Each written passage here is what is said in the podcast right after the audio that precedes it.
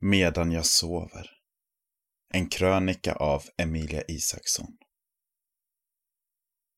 Jag vrider och vänder på mig. Jag är så trött. Men huvudet slutar inte tänka och oroa sig. Under kvällen hade jag försökt rekrytera ledare till ett läger. Vilket inte gick så bra.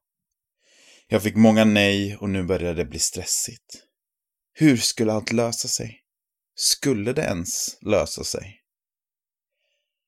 Kanske har du också svårt att sova på natten ibland. Kanske grubblar du över det som har hänt och kommer att hända.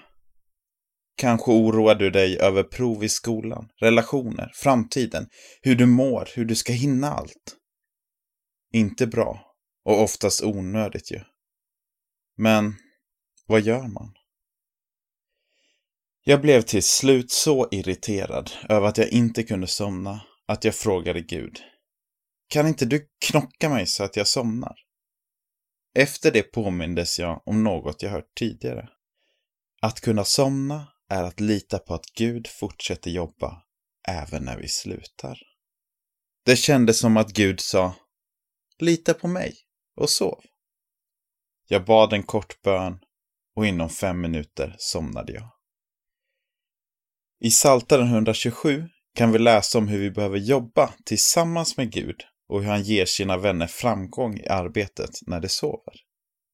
Om vi har valt att vara Guds vänner så är han med oss i allt i livet och vi får jobba tillsammans med honom. Han är arbetsledaren och vännen som till och med jobbar när vi sover. Hur fantastiskt är inte det? Så vad behöver vi då göra? Jo, försöka lita på honom.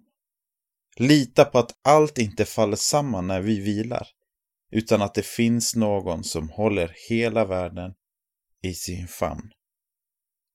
När jag vaknade dagen efter hade jag fått två nya ledare till mitt team.